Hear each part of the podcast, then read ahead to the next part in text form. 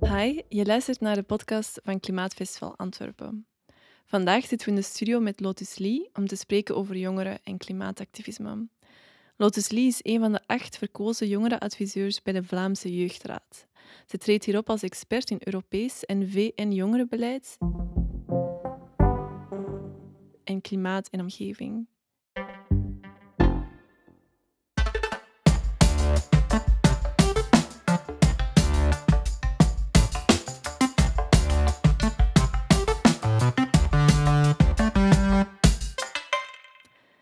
Dag Lotus, hoe gaat het met je? Goed, bizar nog een beetje zenuwachtig hiervoor. Wij zijn heel vriendelijke mensen. We stellen geen moeilijke vragen. Nee, de laatste kan ik niet beloven, dat we geen moeilijke vragen stellen. Maar, uh, komt helemaal goed. Je bent jongerenadviseur bij de Vlaamse Jeugdraad. Mm -hmm. Hoe ben je daar terechtgekomen? Hmm.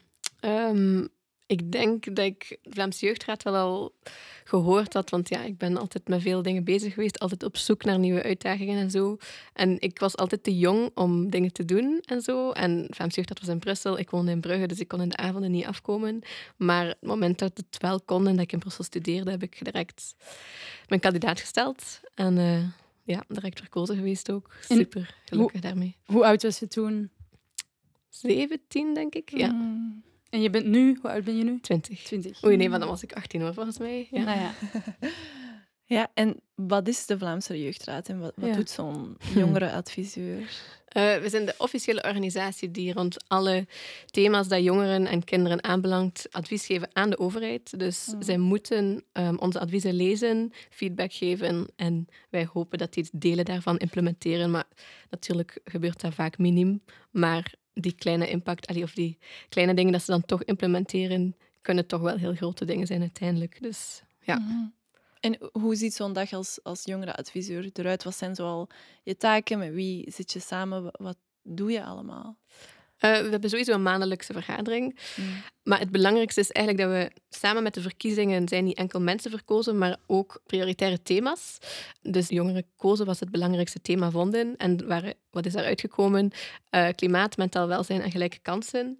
Dus dan zie je ook wel heel duidelijk wat, wat er eigenlijk leeft bij de jeugd. En ik zit bij Werk op Klimaat vanzelfsprekend. En daar denk ik hebben we wekelijks wel een, een vergadering, een meeting, een workshop, een, iets van samenkomst om het advies te schrijven. We hebben nu één advies geschreven, klimaatcommunicatie. Want allee, heel veel dingen zijn al geschreven over klimaat. We weten eigenlijk wel welke dingen er moeten gebeuren rond klimaat in Vlaanderen. Het is ook eerder de vraag hoe ga je dat communiceren naar jongeren toe, naar de media toe. Omdat het een moeilijke balans is tussen de emergency en de urgentie van klimaatverandering aantonen, maar ook niet totaal de hoop verliezen als jongeren. Dus het is zo, daarover gaat het advies vooral. En nu gaan we ook nog een visietekst schrijven en dat is meer systemisch kijken naar wat klimaatverandering is en hoe het minderheidsgroepen uh, vooral benadeelt en, en meer over MAPA en zo. Um, ja. ja. Ja. je zei het al, MAPA. Ja. Uh, dat staat voor Most Affected, affected People and Areas. Ja. Um, daar focus jij jou ook heel hard op binnen die um, jeugdraad. Kan je daar misschien iets meer over vertellen? Waarom is dat juist zo belangrijk om daar ook op te focussen in mm. uh, het grotere vraagstuk rond klimaatverandering, om de klimaatproblematiek, beter gezegd? Ik denk dat dat nou, het meest naar voren is gekomen dat ik daar niet zoveel mee bezig ben, omdat ik naar de COP26 ben gegaan in Glasgow. En ja, ik ben daar eigenlijk naartoe gegaan zonder echt te weten wat de kop was en wat je daar dan kon doen. Ik was daar als ambassadeur van Oxfam. En ja, één keer aangekomen besefte ik heel erg dat die kop zelf een beetje onzin is en dat daar dat dat een beetje de, de maatschappij een klein voorstelt en er heel veel discriminatie was. En eigenlijk de mensen die het meest geraakt worden door klimaatveranderingen eh, daar niet aanwezig konden zijn of mochten zijn of de badges niet kregen. Dus wie was er daar het meest aanwezig? Fossiele brandstofindustrieën en zo. Echt de grootste delegatie. Meer dan de acht landen die het meest geraakt zijn door klimaatverandering. Dus dat is eigenlijk geschift. De klimaatactivisten uit het globale zuiden die familie verliezen, die een eiland en dorp verliezen, kregen daar geen badge, terwijl ik nog sneller een badge zou krijgen vanuit België. En die oneerlijkheid kwam daar zo naar voren. En ik ben daar op betogingen geweest, buiten de kop zelf dan, want wij mochten daar niet bij zijn en zeker niet de klimaatactivisten in het globale zuiden werden daar meer gediscrimineerd. Dus ik heb die daar buiten in parken gehoord. En echt zo drie uur staan luisteren naar wat zij te zeggen hadden en hun speeches. En dat heeft mij zo geëmotioneerd om oog in oog te staan met mensen die echt hun, hun, hun wereld aan het verliezen zijn. Omdat bij ons is dat heel vaak een topic over de toekomst en hoe gaan we daar met de toekomst mee omgaan. Maar bij hun, zij stonden daar niet om, om voor een toekomst te strijden, maar omdat zij al onrechtvaardig behandeld zijn geweest of dat hun leven eigenlijk zo onrechtvaardig is. En omdat zij daar aan het strijden waren voor de mensen die zij al verloren waren en voor de dorpen die al verloren zijn. En het is, het is dat, dat dat mij zo geraakt heeft. En, en dat denk ik hier in het debat veel te vaak vergeten wordt. En ik denk zolang dat we blijven praten over iets in de toekomst, dat mensen ook niet de urgentie ervan beseffen. Heeft die ervaring bij COP26 jouw rol als jongerenadviseur ook veranderd? Of, of heeft dat impact gehad op hoe jij jouw rol ziet als jongerenadviseur? Ja, misschien wel zo in het extreme, want ik weet echt nog dat ik terugkwam, want ik had echt dan wel een existentiële crisis of zo daardoor. Omdat je stelt ook gewoon heel je eigen positie in vraag natuurlijk, wat Mhm. moet. Ehm, en wat deed ik daar als... Allee, ik ben geen witte activist, maar ik kom wel uit het Westen en hoe geprivilegeerd was dat en pak je geen Mhm. andere mensen in plaats en al die vragen komen natuurlijk naar boven. En ik ben ook echt gaan melden aan de Vlaamse Jeugdraad van ik vind echt dat wij niet genoeg ja, urgentie leggen in het, in het thema klimaat. Dat is wel in ons, een van onze prioriteiten, maar ik, het ik zou eigenlijk, naar mijn opinie, nog meer naar voren moeten geschoven worden. We hebben bijvoorbeeld een Teams-kanaal met verschillende thema's en corona staat daar bij de urgente thema's, obviously. Maar eigenlijk zou klimaat daar ook moeten bij staan. Ja. Dus ja, zo'n dingen heb ik wel gevraagd. En wat was hun reactie dan? begripvol. Gelukkig zijn de medewerkers van de Vlaamse Jeugdraad ook wel mee in het verhaal. Niet allemaal evenveel of zo, maar ja, het is gewoon moeilijk ook. Omdat natuurlijk, ja, er zijn drie prioriteiten gekozen. Het is ook ergens moeilijk om te zeggen van ah, onze prioriteit is belangrijker dan die van jullie. Mm. Mentaal welzijn is natuurlijk ook een ongelooflijk belangrijk topic vandaag. Dus ja, het is moeilijk om een evenwicht daarin te vinden. Maar het is zeker wel iets. We, hebben dan de volgende, want op onze maandelijkse vergadering komt iedereen samen, hebben daar dan ook een uur over gepraat met iedereen. Van hoe kunnen we dit aanpakken, hoe kunnen we hier meer mee omgaan. Je zei ook in het begin van, er zijn drie urgenties, klimaat, mentaal welzijn en Mhm. gelijke kansen. Je zei, en natuurlijk zit ik bij klimaat. Eh, waarom is dat natuurlijk? Hoe komt dat je eh, voor dat thema hebt gekozen of dat je daarmee wilt werken? Ehm, ik denk ook een beetje de reden waarom ik vind dat klimaat zo belangrijk is tegenover de andere twee, of dat je die wel pri- prioritair zou kunnen stellen, omdat die allesomvattend is. En dat is wat dat we die ene vergadering dan ook hebben proberen vertellen aan iedereen. Van, het is niet wij die met ons thema klimaat belangrijk willen zijn, het is omdat dat ook de andere thema's zo raakt. En, en dat gaat alleen maar erger en urgenter worden. Ehm, dus een beetje daarom.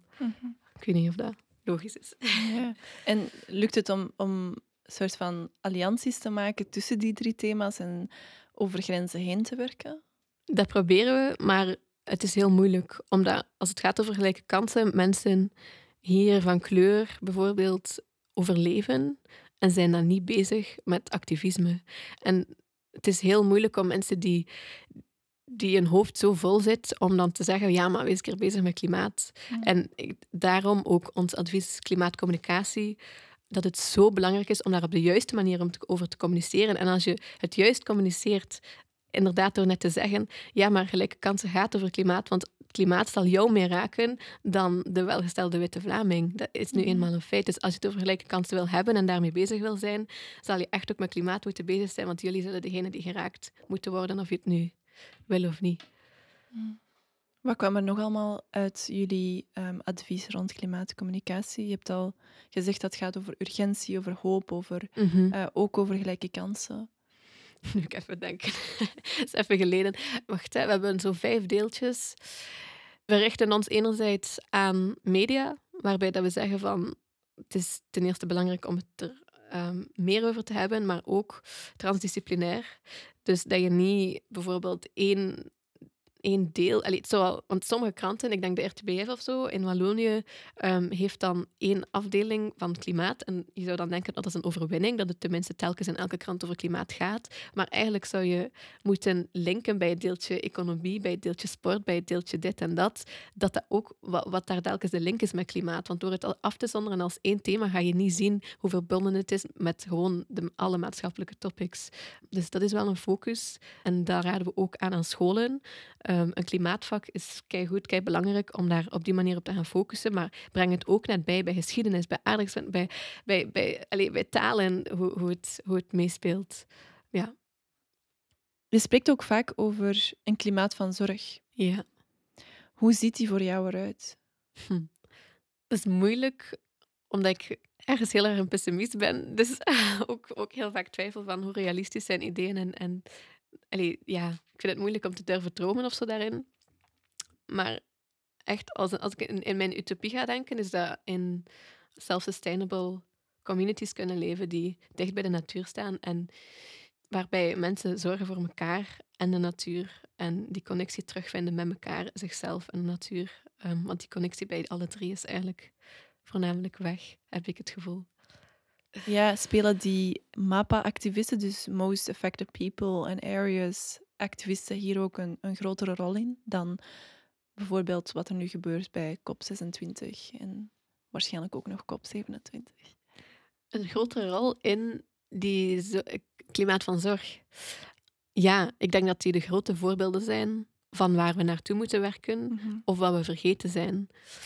Allee, maar ik wil dat ook niet romantiseren. Hè. Dat zijn, er zijn gewoon heel veel mensen die in levensgevaar zijn. Um, dus ik wil, mm. het is soms moeilijk om te praten over um, wat, hoe heet dat, indigenous communities in het mm. Nederlands, inheemse bevolkingen.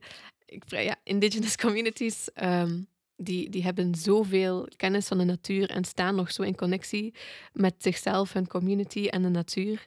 En dat is fantastisch en ik denk dat we da daar zoveel uit te leren hebben. Maar zoals ik zeg, ik wil het ook niet romantiseren, want daar komt nu heel veel armoede bij kijken. En, mhm. ehm, en ook gewoon oude tradities die we misschien niet zouden willen meenemen.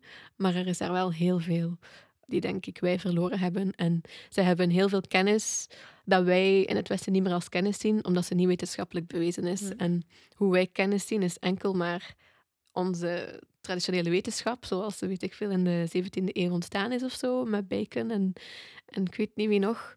Maar ze hebben kennis die bijvoorbeeld um, verbaal of oraal wordt doorgegeven en die hier niet als kennis zou bekeken worden, terwijl zij kennen wel in hun streek elke plant, elke, elke, elke verandering in de natuur, elke geneeskundige manier om, om, om elkaar te helpen. En allee, zij kunnen overleven op een manier dat wij nooit zouden kunnen overleven. En, en die dingen zien wij niet meer als echte kennis. En dat zijn wel allemaal dingen, denk ik, hmm. dat wij terug moeten vinden. Mhm.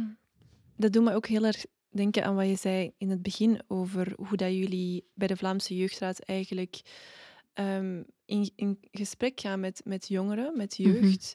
Um, daaromtrent campagnes bouwen en advies geven aan de overheid, mhm. die dat dan ook moet lezen en feedback ook opgeven. Hoe is jouw ervaring in dat proces? Heb je het gevoel dat het helpt om, om de overheid er zo bij te betrekken en ook kinderen en jeugd erbij te betrekken, die een stem te geven en ook de klimaatproblematiek op die manier te benaderen? Mhm. Ja, ik denk participatie is enorm belangrijk en dat proberen wij wel te doen, hoe moeilijk het ook is, maar om alle mensen die betrokken moeten zijn te proberen betrekken, of groeperingen of identiteiten. Um, dus bij ons uh, advies, ja, voor onze beide adviezen klimaat eigenlijk, zijn we ook echt proberen iedereen gaan contacteren, ehm, LGBTQI-organisatie, um, armoedeorganisatie, mensen met een beperking. Dus die participatie is wel belangrijk, dat zij allemaal hun zeg kunnen doen en zeggen hoe het systeem op hun uh, discrimineert. En dan, wat was het de rest van de vraag? Ja, ik denk om, om er iets langer bij stil te staan mhm. als we het hebben over kennis die niet altijd wordt meegenomen in het klimaatproblematiek, mhm. of dat dan nu van indigenous communities is, maar mhm. ook kinderen en jeugd. En ik denk, in de media zien we klimaatmarsen, eh, de zogenaamde klimaatspijbelaars eigenlijk, ook gewoon klimaatactivisten. Het zijn vaak kinderen en jeugd. Maar ik heb tegelijkertijd ook het gevoel dat hun woorden, hun getuigenissen, hun verhalen ook minder serieus worden genomen. Of dat er mhm. minder gewicht wordt aangehangen. En ik vind wel heel engagerend dat er dan instanties zoals de Vlaamse Jeugdraad, mhm. die wel degelijk aan de jeugd een stem wilt geven en die die ook nog eens in contact legt met de overheid die een verantwoordelijkheid mhm. heeft om daar naar te luisteren. Ja, ja. Doe mij denken aan um, ja, een we, we, hebben verticale overleggen jaarlijks met ministers over de thema's die ons aanbelangen. En de ochtend van de vergadering krijgen wij zo'n mail van ja, de expert, allee, zij ging er sowieso niet bij zijn, de expert rond klimaat kan er niet bij zijn, maar we kunnen het hebben over toerisme. Wat dat ons natuurlijk totaal verschut schat, omdat wij ook voorbereidingen doen voor zo'n vergaderingen. En obviously klimaat onze grote prioriteit is, want dat is het thema voor de jeugd. En dat toont wel dat zelfs een officiële organisatie waar, waar de overheid naar moet luisteren, want ze hebben die verplichting, dat staat mhm. in de wet, dat ze zelfs daar de jeugd niet serieus kunnen nemen en mhm. zo'n dingen kunnen doen. Dus ja, zelfs daar zie je dat er nog, ja, dat er nog zoveel te doen is of zo. En ja, dat ze er zich altijd kunnen onderuit luisteren of zo.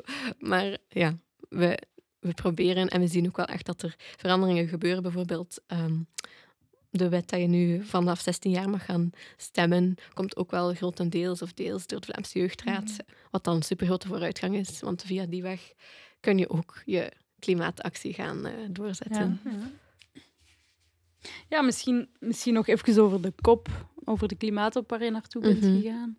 Je zei al heel opmerkelijk wie, wie kan daar binnen geraken. Mm Dat zijn mensen die afgevaardigd zijn van organisaties hier in België heel veel personen die, die bij de fossiele industrie werken. Mhm. Dus eigenlijk een heel een beetje een gek publiek. Ik heb ook gehoord van mensen die naar de, de klimaatop zijn gegaan, die een beetje spraken over klimaattop toerisme zelfs. ja, ja, mensen Die, die via hun organisatie of hun bedrijf een tickets bemachtigen naar de klimaatop mm. en die daar gaan kijken hoe het daar aan de gang gaat. Maar mm. eigenlijk, ja, wie, hoort daar te zitten? Natuurlijk mm. mensen die daarmee bezig zijn, mensen die daar achtergrond in hebben. Natuurlijk, dat is al dat is heel breed. Hè? Ja, ook ehm, mensen die erdoor getroffen worden. ja, tuurlijk, mm. mensen die erdoor getroffen worden. Maar we zouden onze vraag moeten stellen van, ja, waarom belanden bedrijven op klimaattoppen en sturen die afgevaardigden die eigenlijk geen affiniteit hebben met het thema klimaat en die daar heel toevallig door privileges zijn beland. Want dat, is, dat wordt het eigenlijk, hè, die klimaatop. Een verzameling van mensen die door privileges mm. daar een beetje gaan rondwandelen. En uiteraard zijn daar ook veel activisten aanwezig, zijn daar ook mensen aanwezig die wel degelijk uh, dingen doen bewegen op, op klimaatniveau. Maar er is toch, lijkt me, wat ik hoor van wat jij zegt, wat, wat ik heb gehoord in mijn omgeving, ja, toch een hele groep mensen die eh, op die klimaatop belanden, die daar eigenlijk die daar zelf ook niet goed weten wat ze daar mm. komen doen. Ja, um, ja dat, is echt, dat, is, dat is precies het gevoel ook dat ik kreeg toen ik daar aankwam. En naïef genoeg ook niet verwacht toen ik daar aankwam. Ja. Um, en ik, ik vind ook echt wel dat je zag dat ik toen besefte dat er geen besef is van hoe dingen systematisch fout zitten of systemisch fout zitten. Dat er het enige goede aan die kop is dat er erkenning is voor het feit dat klimaatverandering mhm. bestaat. Maar voor de rest voelde het een beetje als een top van ontkenning. Want een paar lectures dat ik daar dan heb meegemaakt of panelgesprekken, dan ging dan bijvoorbeeld over hoe, hoe slecht het ging met de oceaan en zo. En dan denk je, oh goed, dat is een goed thema. En waar, waar hebben ze het dan over? Over dat de oceaan compleet moet onderzocht worden, gemapt worden. En iemand die dan pleit over, dat zijn alleen miljoenen als het niet over biljoenen euro's gaat of dollars, um, die moet gestoken worden in machines en, en de mapping van de ocean. En mm. met die kennis kunnen ze dan de oceaan gaan beginnen redden. Maar mm. de logica staat zo ver van wat de natuur is en van wat het probleem is. En dat was het gevoel dat er, dat er heerste voor mij. Dat, dat het nog meer ging over technologie en ontwikkeling en nog minder mhm. over wat de natuur is. Ja. ja. Ja, en je zou ook een beetje verwachten dat op die kop iedereen een, een consensus heeft van oké, er is een problematiek en mm. die is heel ernstig. Laten we deze moment grijpen om soort van oplossingen te zoeken, mhm. prioriteiten op te lijsten, uh, verschillende perspectieven te mhm. horen. Maar als je daar dan naar lezingen moet gaan van, die u nog moeten overtuigen van de problematiek, dan mhm. lijkt het me een beetje een voorbereidend werk op, op plus, een, de, de oplossing die ze aanbieden klinkt voor mij heel kapitalistisch en neocoloniaal. Als we het gebied maar door en door kennen aan de hand van machines waar we dan miljoenen geld in kunnen steken, dan dat is de oplossing. Mm. Terwijl dat is een goede oplossing voor de economie draaiende te houden, maar... Ja. Nee, ja, ergens komt het vanuit het idee, als we het probleem begrijpen, kunnen we het in gronde oplossen. Maar ik denk dat we het probleem genoeg mm. begrijpen. Dat we de mhm. oceaan niet moeten mappen, om, om maar even op dat voorbeeld mhm. door te gaan, maar dat gebruiken mhm. als een metafoor voor, voor de andere zaken. Hè. We, we, moeten het niet volledig nog meer doorgronden om te beseffen dat het eigenlijk misschien nog een groter probleem was dan we al weten dat het een groot probleem is. We moeten gewoon in actie schieten. We Mm. moeten gewoon, ja, als ministers moeten luisteren naar adviezen van de Vlaamse Jeugdraad, dan moeten ze daar gewoon ja, zijn en dat serieus nemen en niet Mm. eh, een vergadering over toerisme voorstellen in plaats van over klimaatverandering. Ja, dat, dat, allee, dat spant nu wel de kroon, Ja. vind ik. Zo'n voorbeeld van... Dat toont aan dat we de- enerzijds de stem van jongeren ten onrechte naar de Mm. achtergrond verdringen, eh, niet serieus nemen, en anderzijds ook in het algemeen de klimaatproblematiek op politiek niveau eh, Mhm. ja, toch nog heel erg onderschatten en toch nog En- heel en erg... soort Niet van priori- gereduceerd wordt Ja. tot een wetenschappelijk-technologisch probleem. Ja, precies. En ik heb het gevoel dat er een gebrek aan activisme in de Mhm. engste zin van het woord gewoon actie ondernemen is. Toch Mhm. aan de hand van wat, de Mhm. verhalen die ik hoor. Mhm. Heb je zo het gevoel met de jeugdraad van... Ja, we schrijven die beleidsdossiers en we schrijven die adviezen. Maar dat, dat lijkt me ergens ook wel heel... Ja, misschien niet passief, maar toch wel heel traag en moeilijk en niet Mhm. heel erg tastbaar. Want ik heb wel het, het gevoel dat je... Of, of je wilt wel de dingen bereiken. Mhm. Eh, en zo'n adviezen, dat, dat is heel belangrijk. En er wordt wel naar geluisterd, denk ik. Of het moet gelezen worden. Ehm, ja, je moet ergens beginnen ook. Hè? Maar dat lijkt Ja. me ook wel een beetje... Ja, moet ik het zeggen? Passief of, of niet, niet heel... Ik snap wat je probeert te Frustre- zeggen. frust- Ja. Frustreren jullie zich daar rond? Of zie je daar een uitweg van... Ah, het zou op een andere manier aangepakt kunnen worden? Ik frustreer me daar niet over, omdat dat wel... Mm. Je weet dat het daar is waar je voor inschrijft. Als je Ja. naar de Vlaamse Jeugdraad gaat, je schrijft adviezen, dus dat is hoe het gaat, dat is het proces. Ik vind eigenlijk dat het niet passief aanvoelt, omdat wij al die gesprekken zelf voeren. En ja, zoals we zeggen, we kiezen wel welke experten met wie dat we gaan praten. En als je dan praat met minderheidsorganisaties en mensen die geraakt worden door klimaat in België, vind ik dat eigenlijk wel superboeiend. En echt weer die Ja. uit, uitwisseling en, en participatie. We hebben ook echt met jongeren zelf gaan praten en zo. En, en hoe zij vinden dat klimaat wordt gecommuniceerd in de media, hoe ze vinden dat het zou moeten, of dat dan via TikTok moet en, en al die dingen. Dus op zich is het wel heel leerrijk, maar het is inderdaad alles daarna dat, dat een traag proces is en waarvan dat je nooit weet of Mm. dat je impact zal hebben. Of ja, ergens moet je vertrouwen hebben dat door heel dat proces te doorgaan, dat je mensen beïnvloedt en impact hebt, maar de effectieve impact zal je nooit kunnen omrekenen of zo, of, of zien. Dus ik ben heel blij dat ik via verschillende wegen met klimaat bezig ben. Ja. En dat ik het via die weg zie. En ehm, anders zou ik ook niet op die manier met politiek bezig zijn, want het, ik zou er ook geen vertrouwen meer in hebben. Ik voel wel, mensen die er niet mee bezig zijn, eh, zijn zo vol wantrouwen tegenover de Mm. politiek, met volle begrip. Maar door ook in de Vlaamse jeugd te zitten, besef ik ook het belang ervan om die ook daarin mee te nemen. Mhm. En dat we beide nodig hebben via de politiek en, en er buiten de druk erop te zetten. Ja. En ik denk, als ik niet bij de Vlaamse Jeugdraad zat, zat ik e- vol wantrouwen zoals de rest, maar dan gingen we ook niet vooruit gaan. Ja, ja. ja, ik denk, we, we moeten misschien ook niet te pessimistisch zijn over, over de politiek. We spraken eh, voor de podcast ook Sakia Katabi, federaal Ah, minister van Klimaat. Goede samenwerking met Onder andere. Ja, Ja. dat kan ik me wel voorstellen. Ja, Eh, ja. Dat was een heel aangenaam gesprek. We voelden ook echt haar enthousiasme en haar Mm. Motivatie. ja, alertheid Ja. voor Ja. de intersecties van deze problematiek. Ja. Maar het Dus is wel ik- hard werken. ja. ja. Mm. Ik En je, denk je dat we blijft wel... vastzitten in een systeem. Ja. En, en een heel bureaucratisch systeem. Ja. Eh, Ja. En ik denk, ik, begrijp ook waarom jongeren wantrouwen en angst voelen. Mm. Die is Mhm. gecreëerd en die, die blijft zitten in je lichaam. En om, om iemand te, terug te vertrouwen, of laat staan een instituut, Mm. dat vergt gewoon heel veel werk, denk ik. Mhm. Mhm. En ik vraag me af, waarom denk jij dat er bij kinderen of bij de jeugd een, een, wantrouwen tegenover de politiek is? Of Hm. tegenover politici of tegenover politieke processen? Ja, ik denk... Ja, like dat je zegt, dat zit al bijna in ons lichaam of zo. Ehm, ik denk vanaf dat je bij een gediscrimineerde identiteit hoort, dat het vanzelf gebeurt. Mm. Ehm, en als je er niet bij hoort, dan hoef je er niet echt om te geven, want ja, dan gaat het toch Ja. wel oké of zo, denk ik. Ehm, om het heel zwart-wit te zeggen, natuurlijk. Maar ik denk dat heel veel jongeren gewoon zien hoe er nooit geluisterd wordt naar hen. Mm. Op welke manier dan ook. Op welke manier ze ook actie proberen nemen, wordt er blijkbaar niet geluisterd. En er zijn zoveel jongeren nu die deel zijn van eigenlijk meerderheden, maar worden behandeld als minderheden. Als vrouw zijnde, als persoon van kleur zijnde, Mhm. als eh, arm zijnde. Ehm, en dat, dat, is, dat is eigenlijk allemaal de meerderheid van de maatschappij, maar dat wordt gezien als een minderheid en behandeld als een minderheid in de wetten. Ja, natuurlijk dat je dan vol onvertrouwen staat als je Mhm. eigen mensenrechten eigenlijk niet worden Mhm. gerespecteerd. Ja, als je niet erkend wordt als een, als een, Volwaardig. burger, ja. Die recht heeft op bescherming en recht heeft op... Mm. No, allee, En dat wat je zegt ertoe doet, en dan komen we terug op die kwestie van wie heeft er kennis, wie, naar wie wordt er geluisterd. Ja.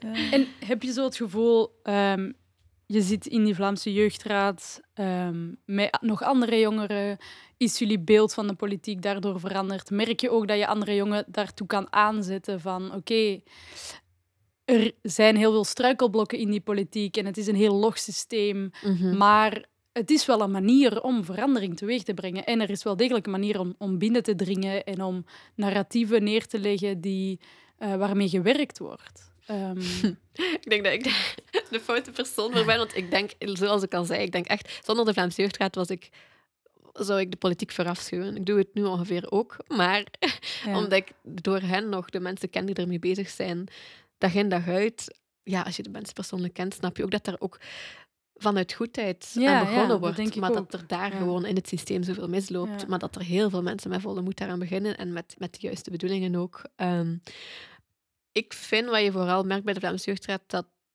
elke jongere eigenlijk enorm politiek denkt en ermee bezig is, maar dat het systeem hen daar gewoon niet Mhm. in steunt of zo. Kan je een voorbeeld geven? Wat, wat is politiek, denk je? Dat maatschappelijke kwesties, dat jongeren daar enorm mee bezig zijn. En dat het ook gewoon heel vaak hun, dat hun leven erdoor bepaald wordt, door die maatschappelijke kwesties. En dat jongeren daarvoor wel in actie zouden schieten Mhm. of willen schieten. En alleen zo van die, ik denk nu maar al iets random, maar die acties van jongeren die dan in topjes naar school komen en zo. Ze caren om dingen en ze doen er iets mee. En ik vind dat fantastisch. Maar ja, in de politiek zelf is het dan mhm. moeilijker om... Ja, het is zo moeilijk. Ja, ja. Misschien om, om zo de politiek als een instituut neer te zetten. Ja, veranonymiseert ook dat instituut. En Mm. laat het ons minder toe om daar empathisch tegenover te staan. En om, om vertrouwen daar tegenover te wekken, denk ik. Ik denk bij mezelf, dan grijp ik terug naar het vo- voorbeeld dat ik de reis had gegeven. Wij hadden minister Katabi gesproken. En door dat gesprek, Mm, ja, dan mhm. besef je wel, de politiek, dat bestaat uit mensen. Dat bestaat uit Mhm, mensen die Inderdaad. een gezin Ja. hebben, een partner hebben, kinderen hebben, die ook een toekomst willen creëren voor zichzelf, voor hun omgeving, die bepaalde waarden en normen hebben. En dat is logisch dat er mensen andere waarden en normen hebben en andere, uit andere sectoren komen of andere omgevingen Mhm. hebben. En die zullen dan juist andere toekomstvisies hebben. En er zullen toekomstvisies zijn die clashen met elkaar. Maar ja, je merkt ook wel, denk ik, door, door met politiekers dan te spreken, Mhm. politici te spreken, dat dat, dat dat mensen zijn en dat die ook Ja, wel goede bedoelingen precies. hebben. En je moet het daarom niet altijd eens zijn met, met die bedoelingen, maar die moeten ook gewoon compromissen sluiten, denk ik. Dat maakt het voor Mhm. hun ook moeilijk, hè? Ja. Misschien is dat een manier om, om meer vertrouwen te wekken in de politiek, om, om het niet te hebben over de politiek, maar over politici, over mensen, over Mhm. partijen. Misschien ook al te abstract. Ja, ik, ik, snap, ik snap het wel inderdaad. Omdat die polarisatie zit er zo diep in, maar ook omdat mensen niet meer tegen elkaar praten en Ja. mensen van de andere kant niet meer willen ermee praten, met volle begrip natuurlijk. Ehm, maar dat inderdaad al die menselijkheid verdwijnt. Want als je, soms word je dan geconfronteerd met bijvoorbeeld familie, die dan van de andere kant is, zo gezegd, en dat je daar dan toch mee moet praten. En als je hen dan kent, kan je ook niet anders dan te zien dat ze door hun context en Mhm. situatie die bepaalde dingen zijn gaan denken en dat je daar inderdaad dat daar zoveel menselijkheid achter schuilt en dat dat niet vaak gezien wordt. Wat zijn nog jouw, jouw eh, doelen die je wilt bereiken met, met de Vlaamse Jeugdraad? Ehm, moeilijk. Ik, ik kijk wel uit naar onze visietekst. Klimaatcommunicatie was echt zo heel to the point en heel makkelijk communiceerbaar met politici en zo.